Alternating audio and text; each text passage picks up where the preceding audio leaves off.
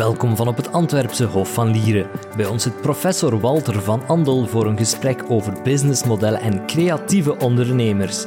Wij zijn Lara en Lothar. U luistert naar Profcast. Welkom, professor Walter van Andel. U doet onderzoek naar businessmodellen. Uh, jazeker. Ik denk misschien is het wel, wel fijn als ik als eerst kort nog even omschrijf wat nu eigenlijk een businessmodel is, of wat, wat ik eigenlijk versta onder een businessmodel. Want daar is soms nog wel wat, wat onduidelijkheid over. Uh, er zijn ook verschillende meningen over, en ik heb daar wel een, een eigen mening over.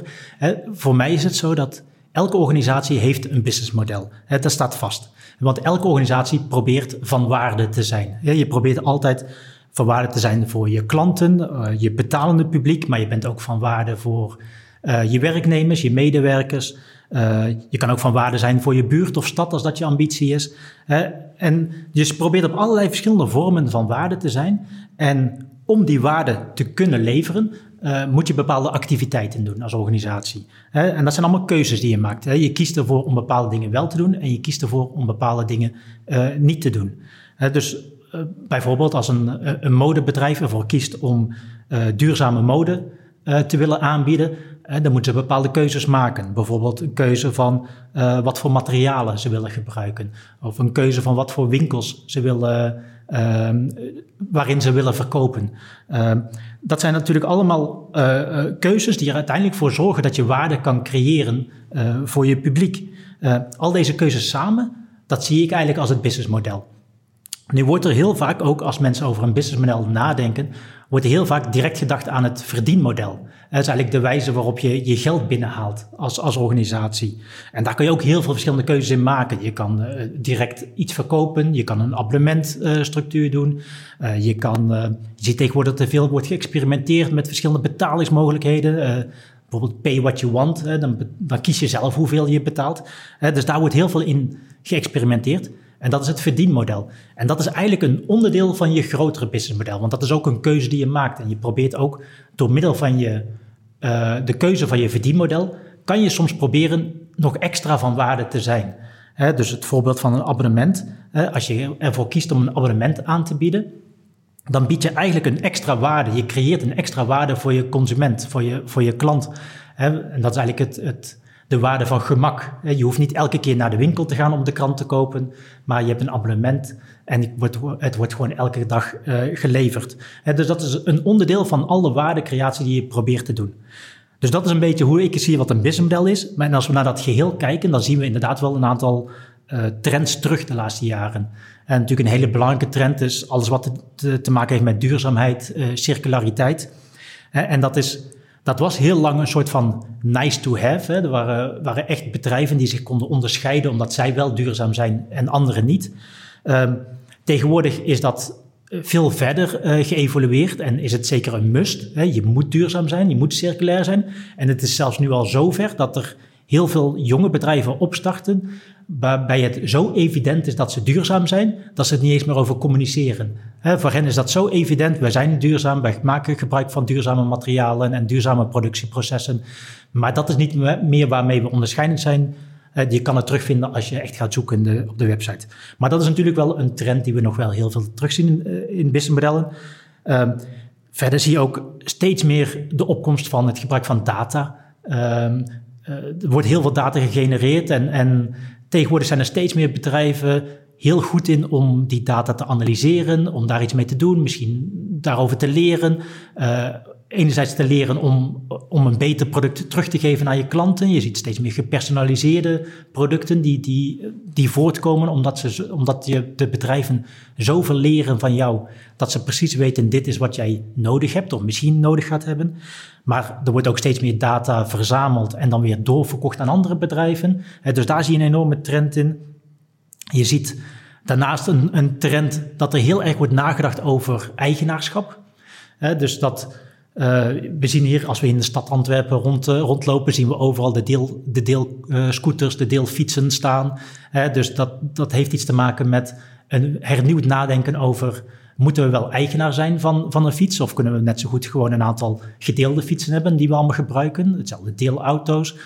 Airbnb is daar natuurlijk ook een voorbeeld van. We hoeven niet per se allemaal vakantiehuisjes te bouwen overal, maar we kunnen gebruik maken van leegstaande panden. En dat eigenaarschap, dat, dat, dat, is dus, dat is een trend waarover na wordt gedacht. En zelfs ook op het niveau van organisaties zelf. je ziet dat er steeds meer organisaties gaan nadenken over moeten wij wel bijvoorbeeld aandeelhouders hebben. Uh, aandeelhouders die een winstoogmerk hebben, uh, die, die eigenlijk alleen maar willen dat wij uh, een hoog, zo hoog mogelijke winst maken.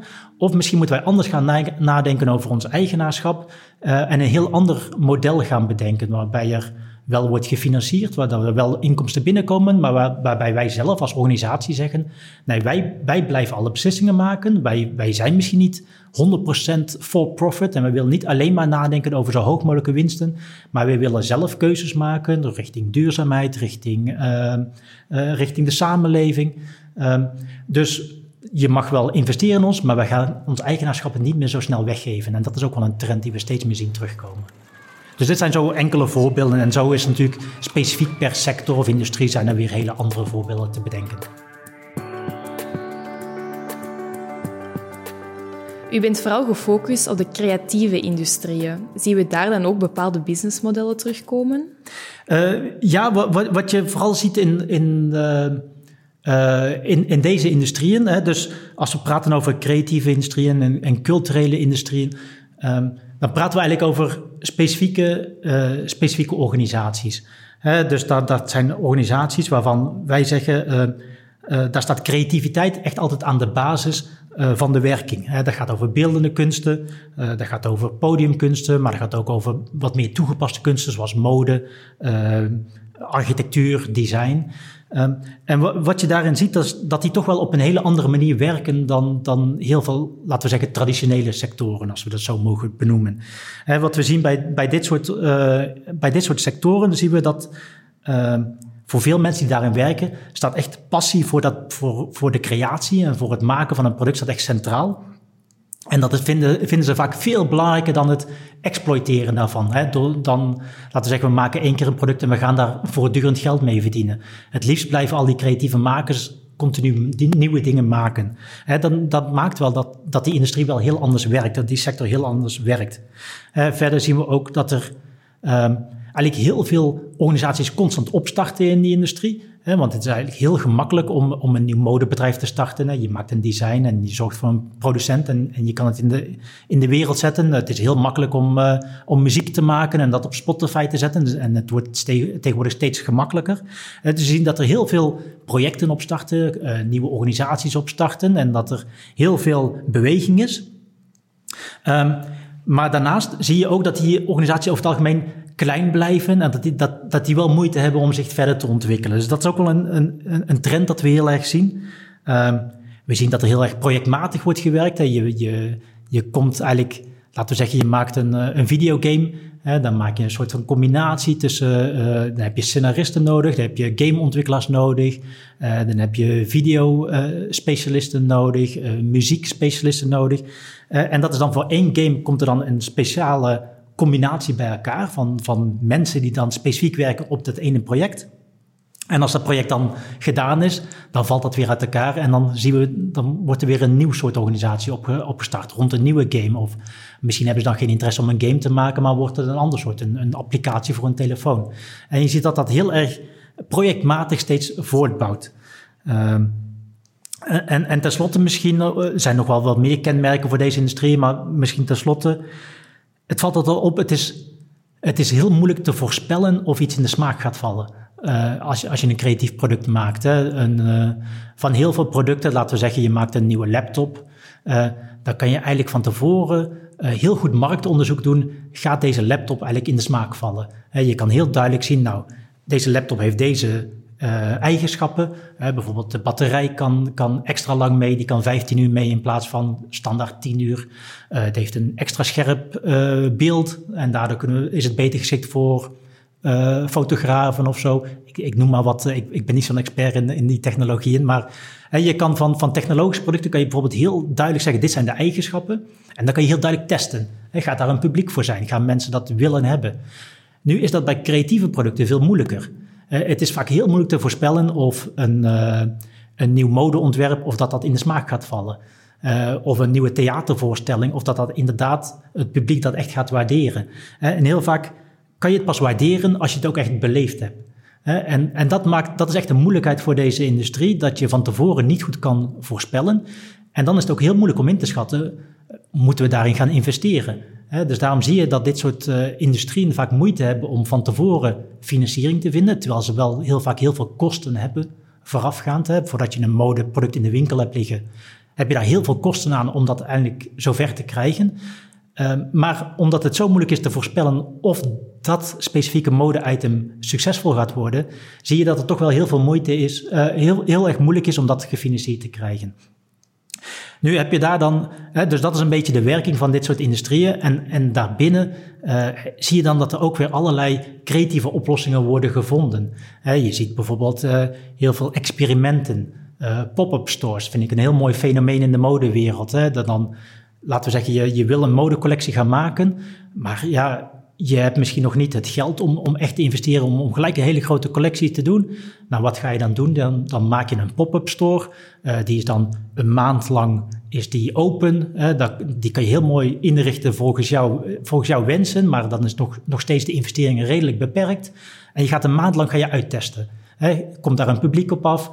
En je kan na afloop die mensen nog eens bevragen, wat vond je van deze ervaring? En zodoende kan je veel leren. Eh, en dan weet je de volgende keer, bij de volgende collectie, ah, mijn publiek die, die zoekt zo'n soort ervaringen. Of die vindt dit fijn, of die zit hier op te wachten. Uh, en zodoende zie je dat in deze industrie heel veel zo kleine testen worden gedaan, prototypes worden gemaakt en dat wordt dan snel uitgetest. En daarna wordt dan gekeken, wat kunnen we hiervan leren en kunnen we dit dan verder opbouwen. En dat is, dat is echt wel een andere manier van werken.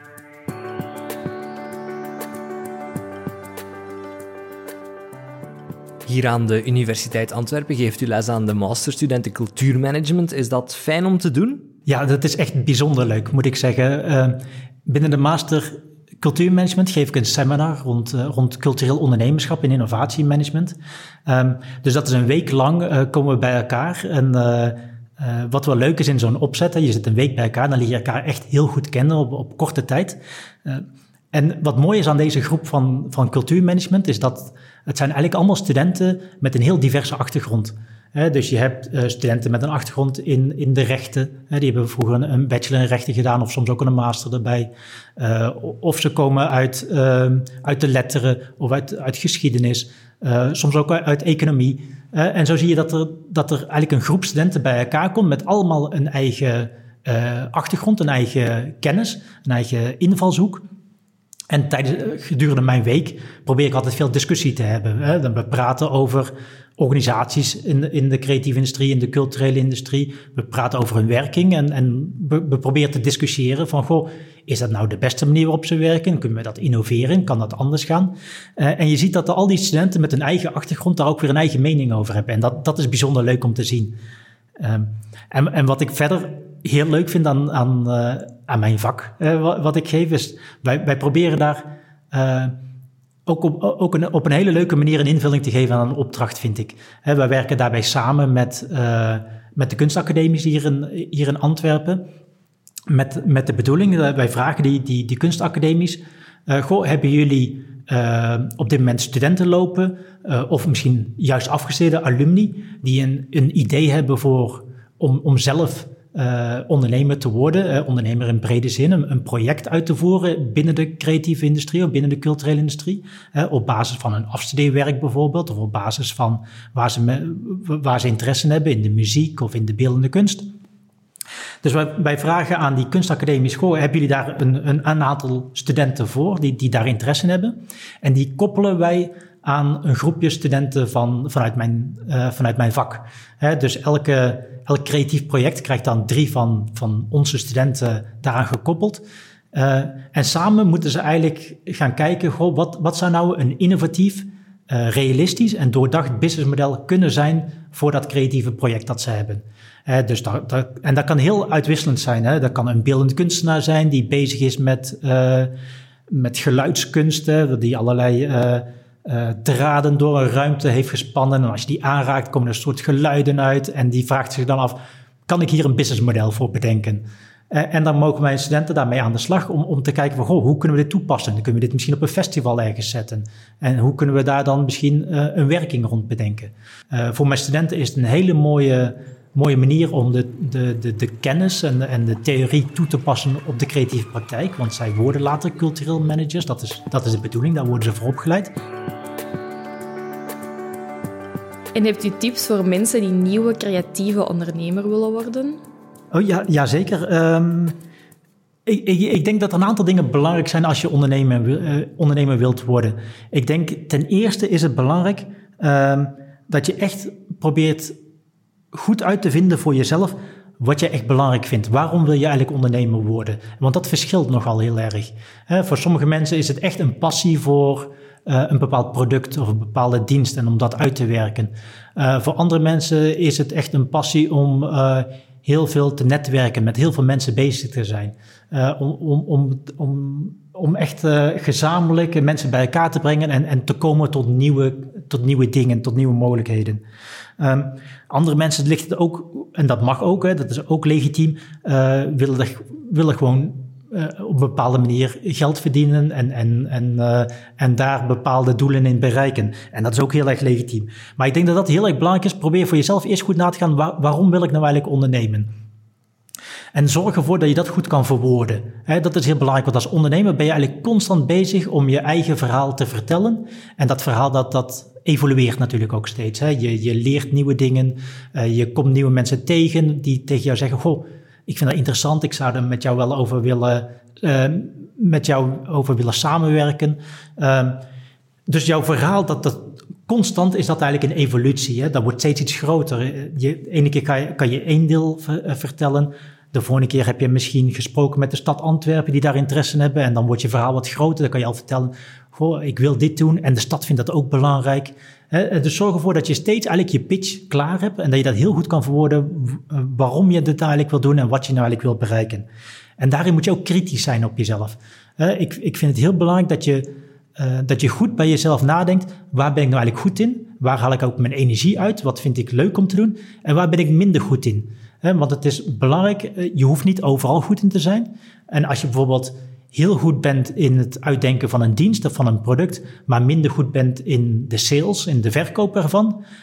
dat kan, dat, dat, is, eh, dat, dat zie je heel veel voorkomen. Maar zorg ervoor dan dat je om je heen dat goed kan organiseren. Dat je mensen in je team opneemt die dan wel goed zijn in de sales of in, in de marketing. Dus dat, dat is heel, uh, heel erg belangrijk. Hè. Je hoeft het niet allemaal zelf te doen. En soms uh, soms lijkt het heel erg evident om iets te doen met, met je beste vrienden. En die zegt van, goh, samen willen we dit gaan doen. Maar als je heel kritisch nadenkt over dat team van die beste vrienden, kan je misschien wel bedenken, goh, uh, we hebben eigenlijk allemaal een beetje dezelfde kwaliteiten, maar we missen eigenlijk nog echt deze kwaliteiten die we nog niet hebben. En dat kritisch zijn, dat zou ik zeker meegeven. Um, en misschien als laatste, uh, ik zie heel vaak nog wel de, de reflex dat mensen nog heel erg geheimzinnig zijn als ze een idee hebben. En met een beetje de gedachtegang, uh, wij hebben nu een idee, uh, wij moeten dat heel erg beschermen, want als we dat tegen anderen gaan vertellen, dan raken we het kwijt. Dan gaan andere mensen dat kopiëren of overnemen. En dan is onze onderneming eigenlijk al, uh, wordt dat door iemand anders gedaan. Uh, dat vind ik een beetje, laten we zeggen, een ouderwetse reflex. Wat je tegenwoordig steeds meer ziet, is dat mensen juist heel erg open zijn over hun ideeën. En, en dat is ook wel een advies dat ik zou willen meegeven. Dus als je een bepaald idee hebt, uh, probeer er zo open, open, mogelijk over te zijn. begin het idee te vertellen. Uh, en probeer feedback te krijgen. Wat vind je daar eigenlijk van, van mijn idee? Uh, en probeer echt mensen te zoeken die je daar uh, feedback over kunnen geven. Want het kan zijn dat jouw initiële idee heel interessant is, maar dat het uiteindelijk nooit zou kunnen werken. En als je dat nooit die feedback hebt gevraagd, dan zal je dat pas weten nadat je er al heel veel tijd in hebt gestoken, heel veel energie in hebt gestoken, misschien ook wel heel veel geld in hebt gestoken. En als dan blijkt dat het sowieso niet had kunnen werken, dan is dat heel veel verloren tijd. Dus wat je tegenwoordig steeds meer ziet, is dat mensen juist heel erg open zijn, heel snel vertellen, gewoon dit is wat ik wil gaan doen, uh, vind je dat ook leuk, wat vind je daarvan? Dat je zo heel erg probeert af te toetsen. En daarna probeer je ook, hè, eigenlijk een beetje analoog met wat ik net vertelde over hoe dat die creatieve makers werken, uh, heel snel probeert om dingen uit te testen. Uh, probeer het eens in, in, in het klein. Maak een prototype van je, van je product, wat misschien nog niet helemaal klaar is, wat nog niet helemaal werkt, maar wel wat, wat het belangrijkste elementen van je idee in, in, zich heeft. een pop-up store is dan in de modewereld daar een voorbeeld van. Je hebt nog niet een eigen winkel, maar je maakt je eigen pop-up klein winkeltje en je gaat daarin alles eens testen. Je, je visie, je kleuren, uh, de manier waarop je met klanten omgaat. En dat kan je op allerlei andere dingen ook doen. dus probeer, maak dat eens. Uh, probeer dat eens uh, in elkaar te steken en ga daarmee feedback vragen. Wat, wat, vind je ervan? Wat zou verbeteren? Wat, wat mis je nog? En zodoende leer je heel snel van wat wel kan werken en wat niet kan werken. En zodoende maak je heel snel stappen naar wat het uiteindelijk zou moeten zijn.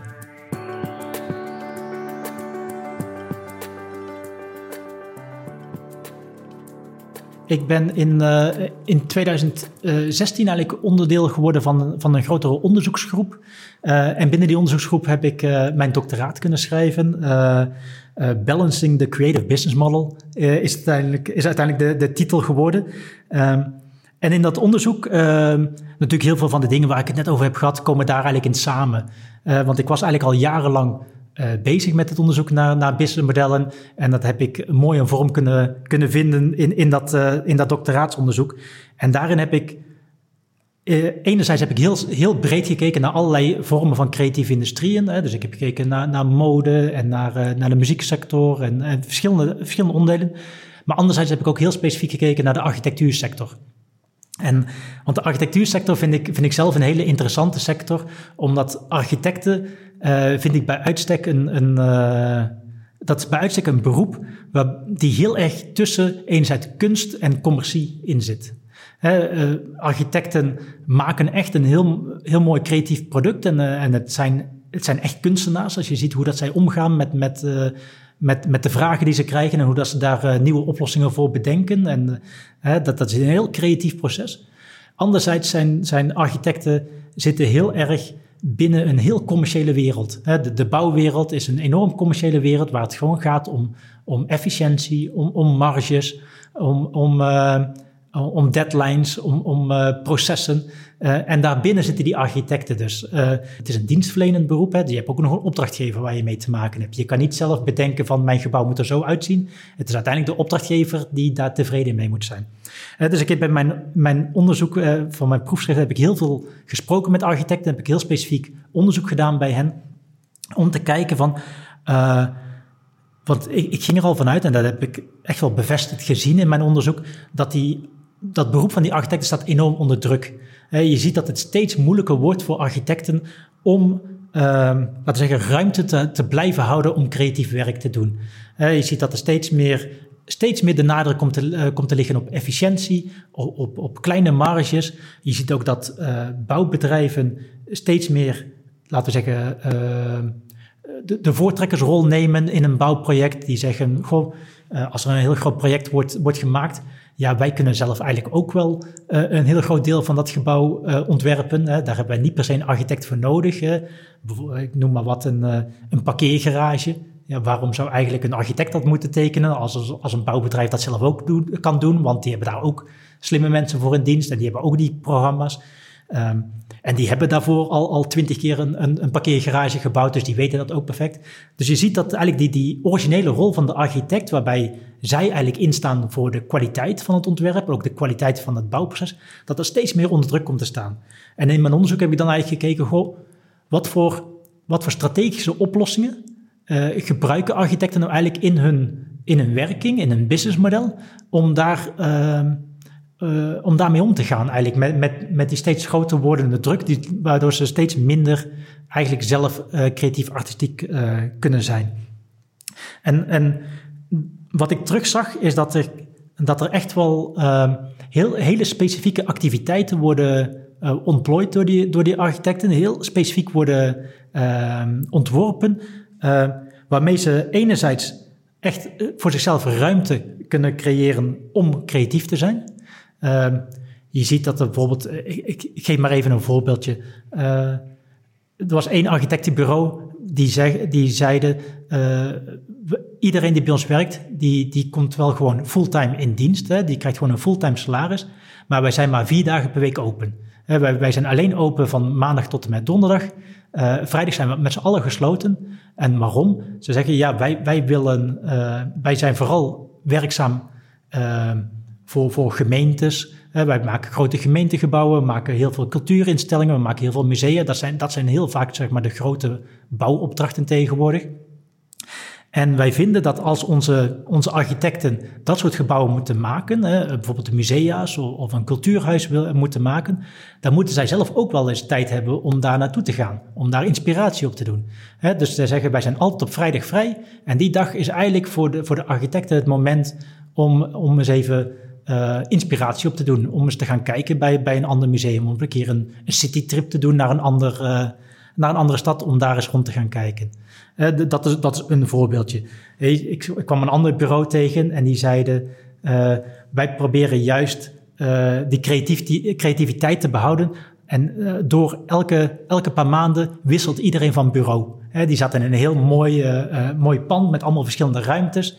En elke paar maanden gaan wij ergens anders, gaat iedereen ergens anders zitten. Dan zit je voor een andere persoon, dan heb je een ander uitzicht. En, en, en datzelfde principe deden ze ook bij hun projecten. je bent niet jarenlang aan hetzelfde project bezig, maar je wisselt steeds van project. En dan word je steeds weer getriggerd. Dan krijg je steeds weer nieuwe, nieuwe inzichten, nieuwe creativiteit. En zodoende zag je allerlei kleine tactieken waarmee ze toch probeerden de creativiteit te kunnen behouden. Dat iedereen toch ook, dat ook die architecten, dat is een heel belangrijk onderdeel daarvan, ook gewoon met, met plezier en met inspiratie dat werk konden blijven doen. dus dat is één onderdeel dat ik steeds uh, terug zag komen. En een laatste onderdeel, of een tweede onderdeel, is dat ze ook wel hele specifieke tactieken hadden om zichzelf toch, toch een steeds belangrijkere rol te kunnen geven in zo'n bouwproces. want het is heel snel is de neiging dat, dat de leidende rol bij een bouwproces naar de bouwbedrijven gaat, naar de projectontwikkelaars, die ook gewoon financieel gezien heel veel geld inbrengen in zo'n, in zo'n project.